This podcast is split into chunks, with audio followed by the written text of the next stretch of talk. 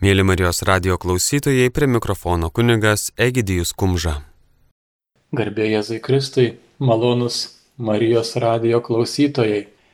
Esame gražiame, šventame advento laikotarpyje, todėl pamastykime apie tylą. Šiandienos žmogus labai skuba, labai lekia, neturi laiko susimastyti, netgi dėl ko skuba ir lekia. Todėl tyla mūsų gyvenime turi būti svarbi, turi užimti tam tikrą vietą, kad sugebėtume pažinti patį save. Kartą pas vienuolį atsiskyrėlį apsilankė žmogus ir klausė to vienuolio, sako, ko išmokai gyvendamas tyloje. O vienuolis, semdamasis vandenį iš šulinio ir sako jam, pažvelk į šulinio gilumą, ką ten matai. Žmogus dirstelėjo, nieko nematau. Kurį laiką vienuolis pastovėjo nejudėdamas, po to vėl sako, dar kartą pasižiūrėk, ką dabar matai šulinyje. Žmogus žvilgtelėjęs atsakė, dabar regiu save patį, nes vanduo tarsi veidrodis. Tada vienuolis ir tarė, įmerkęs kibirą sudrumščiau vandenį, bet po to vanduo nurimo. Tai ir yra tylos išmintis - išvysti patį save. Iš tikrųjų, triukšmas yra vienas didžiausių streso priežasčių. Ypač nuo jo kenčia tie, kurie gyvena didmeščiuose. Prie miesto balso dar prisijungia radijas, televizija, aplinkinių ir mūsų pačių klegesys. Net jei nekalbame, galvoje tauškia mūsų protas. Tyla žmogui yra reikalinga lygiai taip pat kaip ir grinas oras, fizinis aktyvumas, valgis ir malonės emocijos tyla nėra vien triukšmo nebuvimas. Mes kaip visuomenė savo vis labiau tylos vengiančioje kultūroje prarandame kai ką vertingą. Prisiminkite per pastarąsias tris paras vykusius pokalbius, laidas, filmus, socialinių tinklų įrašus. Ar ši informacija praturtino juos, ar išsekino? Jaučiatės persivalgę ar alkani? Norėdami gyventi sveikai dažnai eksperimentuojame. Valome organizmą nuo cukraus, greitųjų angliavandenių pertekliaus, pasninkaujame. Tikriausiai pastebėjote, kad atsisakę tam tikrų produktų, pabadavę ar apriboję mytybą, imate jausti lengvumą, emocinį pakilėjimą. Lygiai taip pat organizmą veikia ir informacinė dieta. Kiekvieną dieną mus veikia begalė garsų, vaizdinių. Mūsų protas užterštas, perkrautas. Jį būtina reguliariai valyti, leisti atsikvėpti, paleisti baimės ir nerimą, kurių prisikaupia mūsų sąmonėje. Vieną dieną pabandykite visiškai nesinaudoti internetu. Kita - nežiūrėkite televizoriaus ir neklausykite radio. Jei pavyks išgyventi be interneto, spaudos ir televizijos, turėtų pasisekti ir praleisti vieną dieną be pokalbių. Žinoma, tam geriausiai likti vienumoje. Greitai pastebėsite, kad jūsų galva šviesėja, mintis nebesigrūda lyg avis į gardą, jūsų organizmas atsikrato daugybės informacinių šiukšlių. Anksčiau ar vėliau visi imame vertinti ramybę ir tylą. Ji godžianti ir jauki. Be to, neįtikėtinai efektyvi. Tyla suteikia mums įkvėpimo ir padeda vystytis protui, kūnui bei sielai. O triukšmingo pasaulio keliama beprotybė daro neigiamą įtaką mūsų medžiagų apykaitai, skatina rūkštinius procesus organizme, sukelia susierzinimą ir agresiją. Mokslininkai tikina, jog būtent tyloje slypi tai, ko mums reikia, kad mūsų išsekusios bei nualintos smegenys bei kūnas atsigautų. Tyrimais nustatyta, jog triukšmas mūsų smegenims daro didžiulį fizinį poveikį, smarkiai pakeldamas streso hormonų lygį. Garsas pasiekia smegenis per ausis elektrinio signalo pavydalu Net mums miegant, tokios garsinės bangos priverčia organizmą reaguoti ir suaktyvina tą smegenų dalį, kuri susijusi su atmintimi bei emocijomis. todėl nuolatos ir išskiria streso hormonų. Tad jeigu gyvename triukšmingoje aplinkoje, turime savo organizme aukštą šių hormonų lygį. Triukšmas susijęs su aukštu kraujospūdžiu, širdies lygomis bei prastu miegu. Per didelis triukšmas dirgina fizinius pojūčius, tad neverta stebėtis, jog vis daugiau žmonių mūsų visuomenėje laiko save itin pažeidžiamais bei nesugebančiais gyventi tokioje chaotiškoje ir triukšmingoje aplinkoje. Bet dabar mokslininkai turi įtikinamų įrodymų, jog triukšmas žaloja, o tyla gydo. 2011 metais Pasaulinė sveikatos organizacija paskelbė išvadą, jog 340 milijonų žmonių gyvenančių vakarų Europoje kasmet praranda milijoną savo gyvenimo metų dėl neigiamo triukšmo poveikio. Pasaulinė sveikatos organizacija taip pat pareiškė, jog 3000 mirčių nuo širdies ir kraujagyslių lygų tikroji priežastis - triukšmingos aplinkos daroma įtaka. Mokslininkai netirinėjo tylos poveikio ir jos sveikatai daroma teigiamą įtaką aptiko visai atsitiktinai. Mokslo tyrimuose apie tylos poveikį imta kalbėti, lyginant triukšmo bei muzikos daromą įtaką žmogaus organizmui. Gydytojas Luciano Bernardi 2006 metais tyrinėjo triukšmo bei muzikos fiziologinį poveikį ir padarė stulbinamą atradimą. Kai jo tyrime dalyvavę žmonės patekdavo į tylos pauzę tarp triukšmo ir muzikos, jie patirdavo netikėtą poveikį.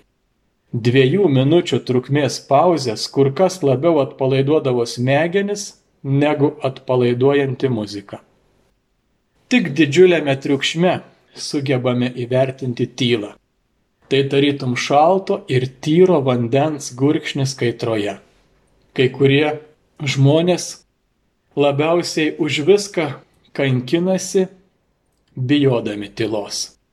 Jie bėga nuo tylos į triukšmą, jiems tyla yra liek nuosava šešėlis, kuris atrodo kaip vaiduoklis. Triukšmų jie puola kitus. Ir tada jiems atrodo, kad pranašesni už kitus.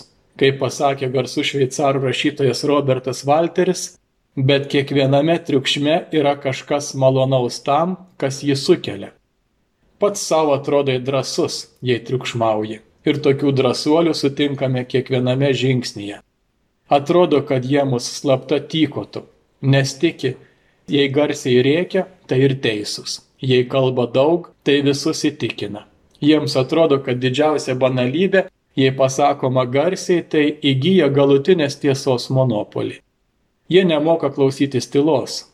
Ją išklausyti, jie įpratę girdėti tik save, nors iš tikrųjų net patys savęs nesupranta. Negirdėdami tylos, jie nepajėg suprasti netgi to, kas galėtų skambėti jų sieloje. Jie girdi tik chaosą ir tampa jo laidininkais. Tyla nėra bežadė. Tyla yra geriausia, ką tik esu girdėjęs. Taip sakė rusų rašytojas Nobelio premijos laureatas Borisas Pasternakas. Galima pacituoti ir daugiau posakių apie tylą. Tyla padeda išgirsti save patį, tyloje geriau girdisi mintis, geriausiai galvojasi tyloje, nes gali išgirsti pačią tyliausią mintį.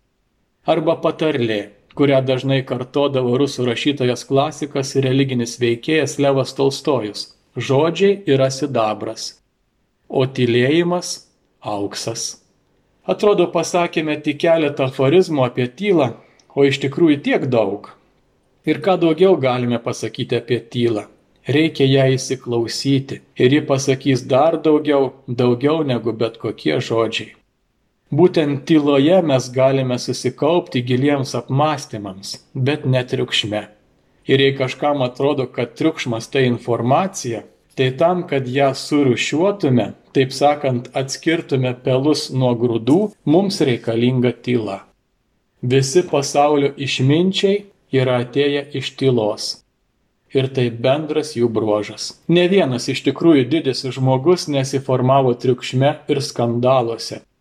Kiekvienas iš jų sugebėjo klausytis tylos balso, kitaip pasaulio išmintis ir negalėjo atsirasti.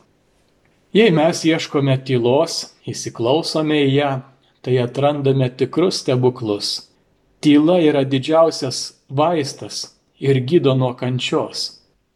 Kodėl mums, jei būna labai sunku, visada prireikia tylos? Nes tik tyla vienintelė išgydo visas kančias, visus skausmus. Sakoma, kad dvasinės žaizdas gydo laikas. O iš tiesų gydo ne laikas, o mūsų sugebėjimas tame laike atrasti gydančią tylą. Todėl vienam žmogui, kad ir nuo tos pačios nelaimės atsigauti reikia daugiau laiko, kitam mažiau, o trečias nusiramina labai greitai. Tai priklauso nuo sugebėjimo įsijausti į tylą. Bet, brangiai, pakalbėkime apie tą tylą, kuri mus lydi Advento laikotarpyje, kuri mus lydi laukiant Kalėdų šventės. Tyla tai yra šventosios nakties aidas tai pagalba išgyventi Jėzaus laukimą. Trapiščių vienuolių himnas talpina tokius žodžius. Prieš aušrą būdime laukime, tyli visa kūrinyje ir tyloje skamba slėpinys. Šito himno žodžiai geriausiai nusako advento prasme. Kalba eina apie Dievo žodžio ateimą, slėpinio kuris tampa kūnu, kuris tampa apčiuopiamu ir įsiveržia į gyvenimus tų, kurie jo laukia. Būdime laukime. Mūsų laukimas yra apibrėžiamas tylos, kurioje įvyksta įsikūnijimas. Tyli visa kūrinyje, sako himnas atsišaukdamas į Švento Pauliaus žodžius, kur jis sako, kad pati kūrinyje su ilgesiu laukia apreiškimo. Laiškas romiečiams 8 skyrius 19 eilutė. Kodėl tylėti? Kodėl likti tyloje? Kad išgirsti Dievo balsą, kuris skamba visuose dalykuose, nes tyloje skamba slėpinys. Tyla yra tarsi laukimas. Pirmasis Evangelijos pagal Luką skyrius pasakoja mums du epizodus kur pagrindinis veikėjas yra arkangelas Gabrielis. Jis neša Zacharijui žinę apie netruksiantį Jono Krikštitojo gimimą. Paskui apreiškia Marijai, kad ji yra išrinktoji būti Jėzaus motina. Išgirdus angelo žodžius, abiejų reakcija iš pirmo žvilgsnio galėtų pasirodyti vienoda. Zacharijus klausė, kaip tai aš patirsiu? Ašgi jau senas ir mano žmona nebejauna. Luko Evangelijos pirmasis skyrius 18 eilutė. Marija irgi panašiai klausė, kaip tai įvyks, jeigu aš nepažįstu vyro. Luko Evangelijos pirmasis skyrius 34 eilutė. Ir vis dėlto tarp jų abiejų laikysenų turi būti kažkoks gilus esminis skirtumas. Toks, kad angelas Zacharijui netgi pasako, štai tu tapsi nebylys, nes nepatikėjai mano žodžiais. Kad pajusti skirtumą tarp Zacharijo laikysenos ir Marijos laikysenos, pasistengime į juos įsijausti. Zacharijas yra senas kunigas, kuris savo senatvę išgyvena širdyje nešiodamasis nepagodžiamą nusivylimą. Graužiasi, negavęs iš Dievo malonės susilaukti palikuonių todėl jo širdis yra nutolusi.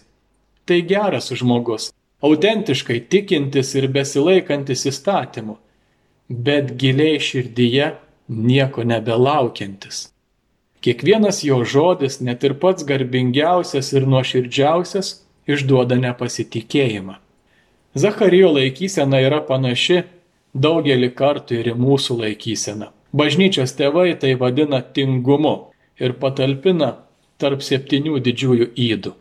Tingumas yra vilties priešas. Tai kliūtis bet kokiam laukimui, padaranti širdį nepajėgia nustepti. Priešingai negu Zacharijas, Marija gyvena viltimi.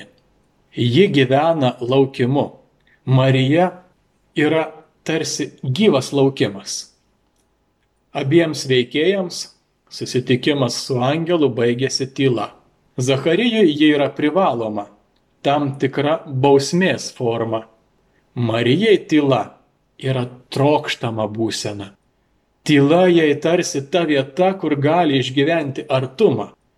Vieta galimam realiam ir giliam ryšiui su paslaptinga esybė, kuri atėjo į jos gyvenimą. Ir angelas nuo jos pasitraukė. Sako šventasis Lukas savo Evangelijos pirmam skyriuje 38 eilutėje. Ir angelas nuo jos pasitraukė. Toks išsireiškimas net nukrečia. Bet žinome, kad Marija nelieka viena. Nuo angelo aplankimo momento Marijos gyvenimas persismelkia dar didesniu laukimu. Ji laukia, kad jos sunaus buvimas būtų pilnutinai apreikštas. Lauks visą savo gyvenimą ir vis su didesniu intensyvumu. Marija negalime įsivaizduoti kitaip, kaip nuolat laukiančią, kad jos sunaus garbė apsireikštų pasaulio horizonte ir kad visi žmonės ją pažintų. Marija mums padeda suprasti, kad tyla atitinka mūsų gilę prigimtį, nes jis išreiškia laukimą, kad kažkas turi atsitikti. Mūsų širdis yra padaryta iš laukimo, padaryta ir pradėta kaip laukimas. Kaip motina pradeda iščiose vaisių, taip Dievas pradeda mūsų širdį kaip laukimą, kaip troškimą. Dalykų tyloje, dar prieš žodį, vibruoja širdies laukimas. Marijos asmenyje išryškėja taip pat ryšys tarp būti benuodėmės ir gyventi visiškame laukime. Nekaltasis prasidėjimas mums sako, kad žmogiškos būtybės grinumas, visiškas aiškumas istoriškai jau įvyko. Marija buvo grinas laukimas. Prieš apreiškimą buvo tik atsakymo laukimas, o paskui buvo laukimas, kad tas atsakymas apsireikštų visą savo esybę. Prigimtinė žmogaus laikysena susideda iš kryptingo santykio su Dievu, santykio į Dievą. Prisiimti Marijos laikysena reiškia atrasti mūsų pačių prigimti, atrasti prigimtinį būties nekaltumą.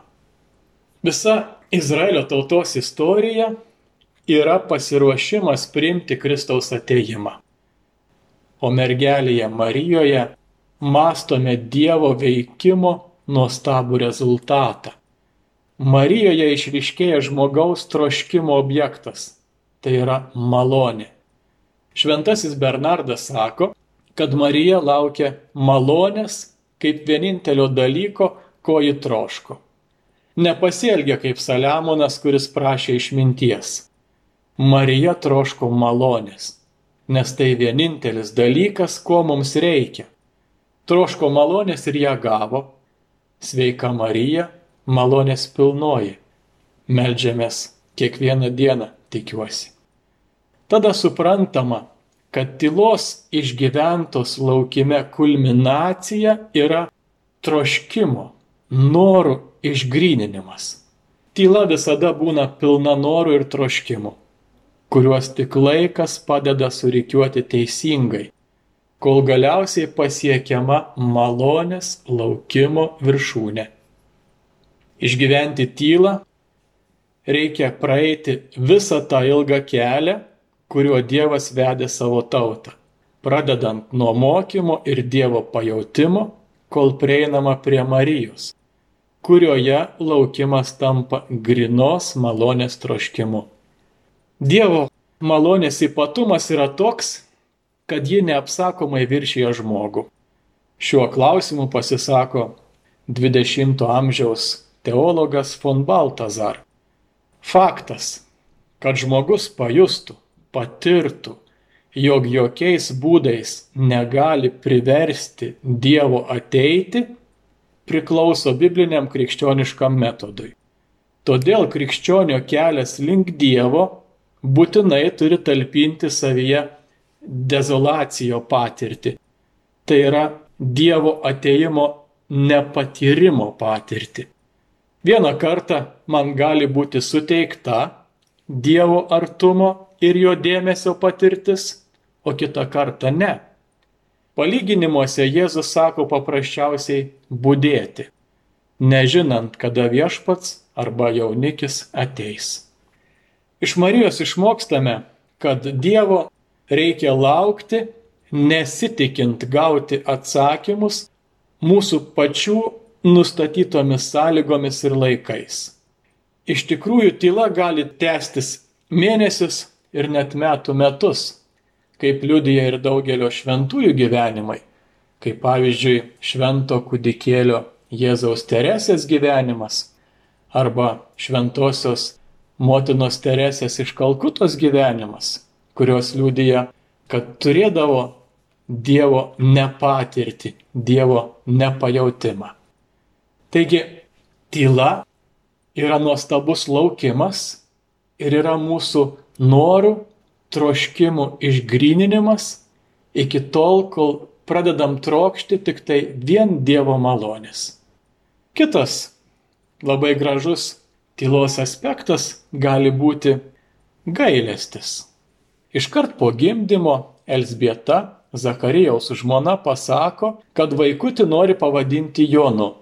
Visi giminaičiai nustebė, iš kur toks vardas, kreipėsi į nebilių tapusi Zacharijų. Šis paprašo lentutės rašymų ir patvirtina sunaus vardą. Ir nuo to momento jam atsiriša liežuvis. Nesunku įsivaizduoti, kaip Zacharijas per tuos devynis mėnesius priverstinės tylos jautėsi pažemintas. Galimas dalykas, kad daug kartų jautė troškimą pasiaiškinti, pasiteisinti, papasakoti savo versiją apie tai, kas buvo įvykę šventykloje. Tačiau, kai tik atgauna balsą, Zacharijas neprotestuoja, nesiskundžia, nešvaisto laiko pasiteisinimams dėl to, kas buvo atsitikę, dėl ko jis tapo nebiliu. Priešingai, pratrūksta pačiu galingiausiu ir labiausiai įkveptų šlovinimo ir dėkojimo Dievui himnu, kokį tik žinom - Benediktus, kurį kalba kunigai, vienuoliai, gali kalbėti ir pasauliečiai, kiekvieną rytą brevijoriaus ritmetinėje maldoje. Tai išreiškia gilų tų devinių praleistų mėnesių tylos turinį. Benediktus tai malda, kuri be tylos niekada nebūtų gimusi. Zacharijas supranta, kad tylos laikas jam buvo dovana, didesnė dovana netgi nei pats sunus, nes be tylos nebūtų suvokęs sunaus reikšmės. Iškyla tylos prasme kaip vertė gailėtis. Tikra tyla mums padeda aukti padeda suprasti mūsų nuodėmingumą ir Dievo gailestingumo malonę. Jauskim, brangiai, gailesti rytais, jauskim gailesti vakarais, tegul gailestis bus ta varomoji jėga, kuri prives mus prie artimo meilės veiksmų. Bet ypatingai, brangiai, jauskim gailesti šventų mišių pradžioje ir prieš išpažinti. Benediktus tai giesmė, kuri primena Dievo nuostabius darbus savo tautai. Bet pati gražiausia šito himno vieta yra ten, kur netikėtai Zacharijas pakeičia savo pašnekovą ir kreipiasi tiesiogiai jau nebe į Dievą, o į sūnų. Žiūrėdamas į jį sako, o tu vaikeli būsi vadinamas aukščiausiojo pranašu, nes tu eisi pirmą viešpaties jam kelio nutiesti. Viską tą randame Luko Evangelijos pirmajame skyriuje. Zacharijaus žvilgsnis yra žvilgsnis gimstantis tyloje, nes tai yra žvilgsnis tėvo, kuris pripažįsta, kad sunus galiausiai nepriklauso jam, Zacharijas mato sūnų pašauktą misijai. Jis priima jį savo sūnų pagal tai, kaip Dievas jam yra prirengęs. Jo žvilgsnis tai nekaltybės žvilgsnis. Kaip vienas tyrinėtojas sakė, dikuma visada atrodo miela, gražu ir sveika užduoti savo klausimus joje apie amžinuosius dalykus vienatvėje. Tada jaučiasi tiesiog tiesos proveržis. Jonas Krikštytojas užauga ir bėga nuo pasaulio ieškodamas tylos ir vienatvės. Būtent ieško dikumos. Gal dėl to esame įpratę galvoti apie Joną Krikštytoją kaip apie kietą ir rūstų asmenį. Bet 20-ojo amžiaus teologas kardinolas Žanas Danieliu iš tikrųjų jį apibrėžia kaip dvasinio džiaugsmo žmogų ir sako, kad jis yra pats džiaugsmingiausias švento rašto šventasis. Tai neatsitiktinumas, kad jis savo gyvenimą pradeda džiaugsmo suspurdėjimu dar motinos iščiose, kada pajaučia Mariją savo iščiose nešiojančią Kristų. Kardinolas Danielius sako, kad Jono Krikštitojo džiaugsmas yra girdėti viešpaties balsą. Tai ir yra pagrindinė priežastis, kodėl jis eina į dykumą. Kaip vėliau ten eis vienuoliai eremitai ir net pats Jėzus. Stengiasi pabėgti į dykumą, kad niekas negalėtų išblaškyti to džiaugsmo, kad galėtų džiaugtis Dievo artuma, kad galėtų klausytis Dievo balso. Tyla yra klausimo ir džiaugsmo vieta. Bet tai nesumenkina gailesčio patirties. Tai, kas labiausiai padaro įspūdį, tai pamatyti jame, jone krikštytoje didžiulę atgailos dvasę, bet tuo pat metu ir vidinį džiaugsmą. Kraštutinio gailesčio ir kraštutinio džiaugsmo susijungimas. Iš kitos pusės kraštutinis gailestis ir kraštutinis džiaugsmas visada susivienyje. Patys didžiausi atgailotojai būna labiausiai džiugus žmonės. Nėra didesnio džiaugsmo, kaip pavyzdžiui turėjo šventasis Pranciškus Asižėtis, šventasis kryžiaus Jonas arba Arso klebonas. Prieinama prie momento, kada suprantama, kad tyla yra džiaugsmas to, kas Kristuje atranda tikrai atilsi. Nuovargiai, išgyvenimai, gyvenimo blaškimai niekur nedingsta. Bet kad ir labai trumpai paragautas ir išgyventas tyloje džiaugsmas lieka širdie kaip palidovas. Šitaip tyla vis labiau tapatinasi su džiaugsmo patirtimi ir duoda džiugesio mūsų kasdieniams veiksmams ir susitikimams. Tylos džiaugsmas yra jaunikio buvimo kartu džiugesys. Jei trūktų ryšio su Jėzum, tada tyla prarastų savo prasme. Mums nereikia tylos, mums reikia viešpaties. Bet kad patirti viešpati, reikia tylos. Krikščioniška tyla yra kitokia nei rytų meditacijos, nes tai nėra nuo visko išvalyta vieta. Tai vieta, kur išskirtiniu būdu gyvena Kristus. Jono Krikštitojo džiaugsmas pildosi jam patikėtoje misijoje, kuri sutampa su užduotimi liūdyti. Vėl kardinolas Danielius sako, tai visas jo džiaugsmas matyti, kaip nuotaka randa jaunikį. Netrokšta nieko kito, trokšta tik vieno vesti sielas prie Kristaus ir kad sielas jį rastų. Tada jo džiaugsmas yra tobulas. Tobulas jo džiaugsmas yra ir tada, kai jo mokiniai jį palieka, kad sektų Jėzumi. Tyla yra mūsų misijos pradžia.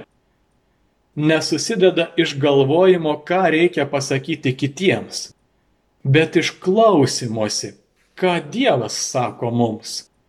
Kitas 20-ojo amžiaus intelektualas, teologas Romano Gvardini pabrėžia, kad tyla yra būtina sąlyga pažinti tiesai, kad paskui tą tiesą būtų galima skelbti. Žodis yra esminis ir veiksmingas tik tada, kada jis gimsta iš tylos. Tyla atidaro vidinį šaltinį, iš kurio išteka žodis. Kitoje vietoje Gvardinė nurodo, kad tyla yra vienintelė sąlyga mūsų konstruktyvumui.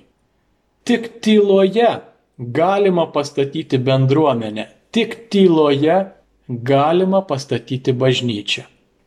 Tyloje išmokstama Dievui suteikti žmonių veidus.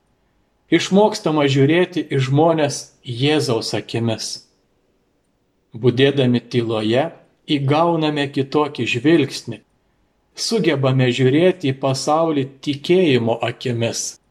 Budri tyla leidžia mums nelikti prie paviršutiniškų dalykų, bet įsigilinti į esmę, žiūrėti į dalykus Kristaus akimis. Išmokyk mane tavęs ieškoti ir pasirodyk man, kai tavęs ieškau. Negaliu ieškoti tavęs, jei neišmokai, nei rasti, jei nepasirodai. Padaryk, kad ieškočiau tavęs trokšdamas ir trokščiau ieškodamas, kad raščiau tave mylėdamas ir mylėčiau rasdamas. Šitie švento Anzelmo žodžiai išreiškia galutinį tylos turinį - paslapti, kuri atsiskleidžia pamažu, gal net po daug metų kelionės. Tyla leidžia Kristaus veidui iškilti iš pasimetimų, triukšmo, išsiblaškimų, ko visada netrūksta mūsų gyvenime. Išgyventi tylą reiškia leisti Jėzaus veidui pasidaryti vietos mūsų gyvenimo kasdienybėje. Yra dar vienas aspektas, kuris galbūt turėjo būti paminėtas pirmiau nei visi kiti. Išgyventi tylą reiškia įeiti į paties Kristaus gyvenimo patirtį. Tyla apibūdina Jėzaus būdą susiduriant su tikrove. Nes jei Marijoje tyla susitapatina su sūnaus pilnutinio apsireiškimo laukimu, Jėzuje jis susitapatina su tėvo apreiškimo troškimu. Jėzuje atrandame visas tylos gelmes. Laukimas, kad išsipildytų tėvo apvaizda, būtinumas pasitraukti į nuošalę, kad klausytis jo balso, džiaugsmas dėl patirto atsakymo, nesavanaudiška besąlygiška meilė, kaip bet kokio ryšio išgyvento būsena. Ne tik 40 dienų praleistų dikumoje, bet kiekviena Jėzaus gyvenimo valanda priklauso tylos apimčiai. Jėzus pilnai išgyveno tą patirtį, į kurią esame kviečiami per tylą. Tik tai gailestis negali būti priskirtas Kristui net jei jis per savo kančią tam tikrų būdų dalyvauja mūsų skausme už nuodėmės ir mūsų gailestyje. Įsimastykime apie jo tylą priešais nusidėjėlę moterį, apie jo susijaudinimą priešais Jeruzalę, apie jo ašaras priešais Lozariaus mirtį. Įsimastykime ypatingai apie jo ašaras naktį Getsemanėje. Tyla mus padaro Jėzaus sėkėjais padeda mums įvykdyti mūsų gyvenimo tikslą. Tad prašykime Dievo, kad advento laikas taptų galimybę atrasti tylos vertę ir grožį, kad Kristus mumise galėtų gyventi kiekvieną mūsų gyvenimo akimirką, kiekviename mūsų veiksme, susitikime ir visose aplinkybėse. Jėzaus gyvenimas praėjo tarp dviejų tylų Viena buvo naujagimio tyla, o kita pasmerktojo, kuris tyli teisme ir ant kryžiaus. Tai mus turi priblokšti ir priversti nutilti. Pamastykime apie gimstančio Dievo tylą. Vėliau ta tyla tęsiasi 30 metų. Jis yra žodis, bet tyli. Vadinasi, prieštarauja savo kiek metų nugyveno tarsi tuščiai nuo Betlėjaus iki Nazareto. Ir aplink jį tyla.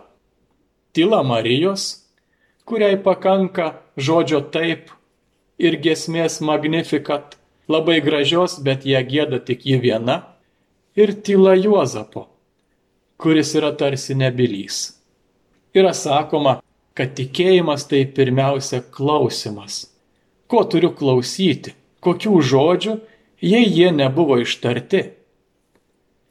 Kodėl gimęs Jėzus nekalba? Kodėl ir vėliau nekalbėjo ilgus metus? Nes negalėjo kalbėti, nepajėgė išsakyti, kas yra Dievas. Jos lėpinio nebuvo įmanoma išreikšti žodžiais. Jis buvo per daug didingas, per daug kitoks. Negalėjo leistis, kad mes jį sugrieptume, nenorėjo, kad sakytume, aš žinau, kas yra Dievas, aš žinau, koks jis yra. Protu jį suvokiu. Galiu jį paaiškinti, padėti čia arba ten. Jis atėjo būti tarp mūsų, bet ištrūko iš mūsų rankų. Vėliau jis prabilo, bet jo žodžiai atėjo iš tos tylos. Kas įėjo į tylą, tas jį suprato, o kas neįėjo, jo nesuprato ir jį net atmetė. Jo motina suprato. Luko Evangelijos antrajame skyriuje, 19 eilutėje, skaitome. Marija dėmėjosi visus šiuos dalykus ir svarstė juos savo širdyje. Ji nesuprato. Tiksliau suprato, kad nesupranta. Buvusi paskendusi sunaus tyloje, pati tapusi tyla, paveikta tos didingos tikrovės, nesistengdama jos paaiškinti. Ji tiesiog leidosi jos nešama. Tai kas yra tos kalėdos? Tiek to. Nekritikuokime vartotojiško požiūrio, paviršutiniškumo, perdėto sentimentalumo. Ar supranta kalėdas tie, kurie ateina į bažnyčią? Tiek giesmių, tiek gražių žodžių, tiek atvirukų.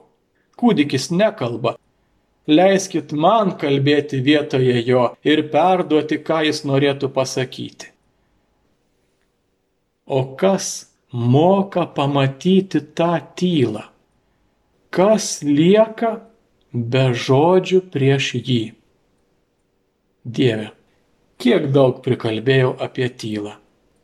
Atleiskite, turiu nutilti. Per daug prikalbėjau. Mėly Marijos radio klausytojai, su jumis savo mintimis dalyjosi kunigas Egidijus Kumža. Likite su Marijos radiju.